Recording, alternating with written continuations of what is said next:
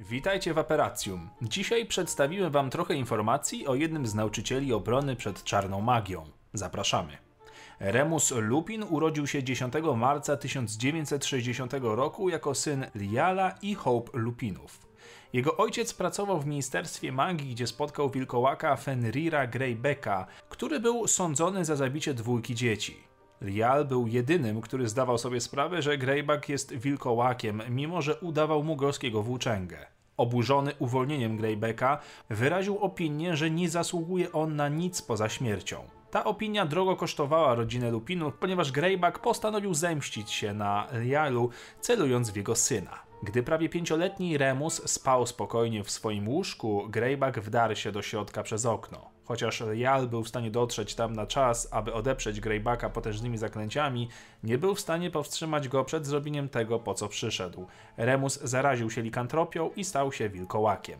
Jego rodzice zabierali go do różnych uzdrowicieli i starali się, aby był normalnym chłopcem, ale nie było lekarstwa na jego stan. Jednak dyrektor Albus Dumbledore stworzył specjalne warunki, dzięki którym Remus mógł uczęszczać do szkoły magii i czarodziejstwa Hogwardzie. Remus został przydzielony do Gryffindoru. Aby zapewnić bezpieczeństwo sobie, a także swoim rówieśnikom, Remus raz w miesiącu był zabierany do wrzeszczącej chaty na czas jego transformacji, aby uniemożliwić mu atakowanie innych uczniów. Jednak ta izolacja spowodowała, że z czasem Lupin zaczął atakować sam siebie. To i bolesne comiesięczne przemiany sprawiły, że mieszkańcy Hogsmeade zaczęli uważać jego krzyki za wrzaski agresywnych duchów. Dumbledore, chcąc zachować prawdę o tych dźwiękach w tajemnicy, zachęcał do tych plotek. Dlatego też budynek został nazwany właśnie wrzeszczącą chatą, która miała reputację najbardziej nawiedzonego budynku Wielkiej Brytanii. Remus stał się najlepszym przyjacielem innych gryfonów Siriusza Blacka, Jamesa Pottera i Petera Pettigrew. Utrzymywał swój status wilkołaka w tajemnicy przed wszystkimi uczniami Hogwartu, w tym również przed swoimi przyjaciółmi. Wymyślał historie, aby wyjaśnić swoje comiesięczne zaginięcia, takie jak to, że jego matka była chora i musiał wrócić do domu, aby ją odwiedzić. Lupus był przerażony, że jeśli przyjaciele dowiedzą się o jego tajemnicy, natychmiast go opuszczą. Ci jednak dowiedzieli się o jego sekrecie już na drugim roku. Na piątym roku z kolei, gdy przyjaciele nauczyli się sztuki animagii, raz w miesiącu podczas pełni księżyca wymykali się z zamku pod peleryną niewidką Jamesa i pod postacią zwierząt wchodzili do bijącej wieżby, szli tunelem i spotykali się z Remusem we wrzeszczącej chacie. Pod ich wpływem Lupin oswoił się z przemianą. Jego ciało wciąż należało do wilka, ale jego umysł stał się mniej więcej taki, jaki był, kiedy był wśród nich jako człowiek. Remus był dobrym uczniem, ale także dowcipnisiem. On i Peter czasami dołączali do Siriusza i Jamesa w areszcie za psoty, chociaż nie wpadali w takie kłopoty jak ich przyjaciele. Jest mało prawdopodobne, że inni uczniowie Hogwartu kiedykolwiek dowiedzieli się tyle samo o terenach Hogwartu i Hogsmeade. To właśnie oni wykorzystali swoją wiedzę do napisania mapy Huncfotów i podpisali ją swoimi pseudonimami. Remus podczas swojego pobytu w Hogwarcie stał się prefektem.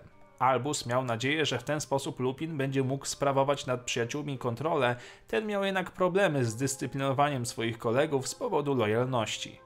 Krótko po ukończeniu Hogwartu Remus dołączył do zakonu Feniksa wraz z Siriuszem, Jamesem, Peterem i Lily Evans, stając przeciwko Lordowi Voldemortowi i śmierciożercom. Remus nie znalazł pracy po swojej edukacji, ponieważ był wilkołakiem. Jednak James wykorzystywał swoją zamożność, aby wesprzeć go finansowo. W chwili śmierci Lily i Jamesa Lupin przebywał na północy kraju w interesach zakonu Feniksa. Odkrycie tego, co się stało, było jednym z najbardziej traumatycznych wydarzeń w życiu Remusa, zwłaszcza, że następnego dnia miał stracić również swoich dwóch najlepszych przyjaciół, Siriusza i Petera. Po pierwszym upadku Voldemorta zakon Feniksa rozwiązał się, a członkowie wrócili do dawnego życia ze swoimi rodzinami. Lupin został jednak samotny i nieszczęśliwy. Dwóch z jego trzech najlepszych przyjaciół nie żyło, jeden został uwięziony za masowe morderstwo, jego matka w końcu też umarła, a on odmówił powrotu do domu ojca, by nie psuć starcowi życia swoim pobytem. Remus był zmuszony do podjęcia się prac, które były znacznie poniżej jego poziomu umiejętności. Słaby promyk nadziei pojawił się, gdy usłyszał o nowym wynalazku, eliksirze tojadowym, który mógł złagodzić najgorsze skutki likantropii. Nadzieja szybko wyparowała, gdy Remus zobaczył złożoność eliksiru i drogie składniki. Eliksiry nie były jego najmocniejszą stroną, problemem był też brak pieniędzy. Nie mogąc sobie pozwolić na miksturę, Lupin próbował zdobywać je w zakazanym lesie, gdzie wpadł na uczennicę Hogwartu, Chiarę Loboskę. Chiara również była wilkołakiem i kilka razy była gotowa odstąpić mu eliksir. Spotykali się każdej nocy na tydzień przed pełnią księżyca, podczas której uczennica dawała Lupinowi butelkę eliksiru. Na początku lat 90. Lupin żył w biedzie w zrujnowanym na wpół opuszczonym domku w Yorkshire. Albus Dumbledore wyśledził Lupina latem 1993 roku i zaproponował mu stanowisko profesora obrony przed czarną magią w Hogwarcie, zastępując stale cierpiącego na amnezję Gilderoya Lockharta.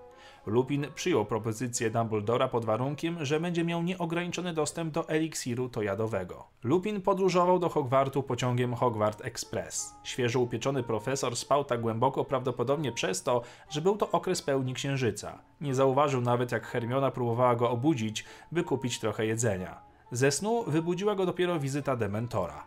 Następnie dał wszystkim w przedziale kawałek czekolady jako łagodną ulgę od efektów mrocznego gościa. Chociaż Remus nie spotkał się ze zbytnim aplauzem większości uczniów podczas jego wprowadzenia ze względu na jego raczej nędzny wygląd, Harry i jego przyjaciele byli nielicznymi, którzy wyrazili pełną aprobatę ze względu na pozytywne pierwsze wrażenie, jakie na nich wywarł.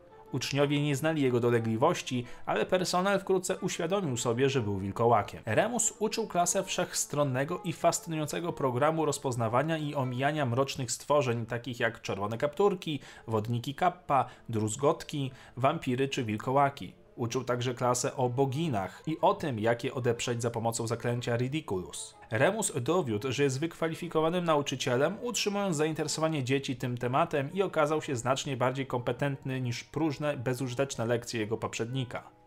Wierny byciu gryfonem, Lupin był dość odważny. Mimo, że odczuwał głęboko zakorzenione poczucie wstydu i strachu przed odrzuceniem, które w pewnych sytuacjach skłaniało go do rozważenia wycofania się z pełnionej funkcji oraz różnych życiowych sytuacji.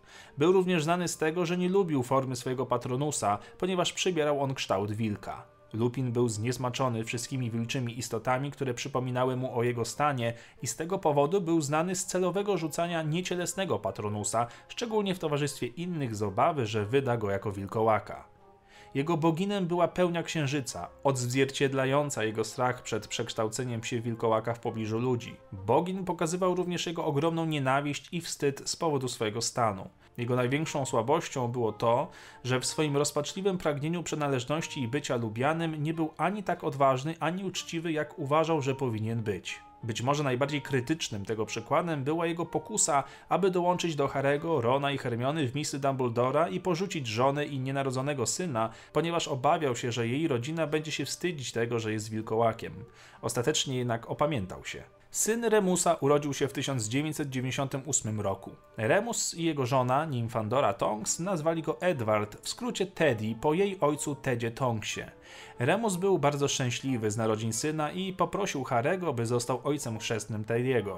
Niestety, Remus i jego żona zostali zamordowani w bitwie o Hogwart, osierocając Teddy'ego, gdy miał około dwóch tygodni. Kiedy Remus pojawił się przez kamień wskrzeszenia, był zdruzgotany wiedząc, że Teddy będzie musiał dorastać bez rodziców, ale znalazł trochę pocieszenia w świadomości, że Teddy będzie żył w lepszym świecie. Teddy był wychowywany przez babcię ze strony matki, ale spędzał dużo czasu z rodziną swojego ojca chrzestnego i Weasleyami.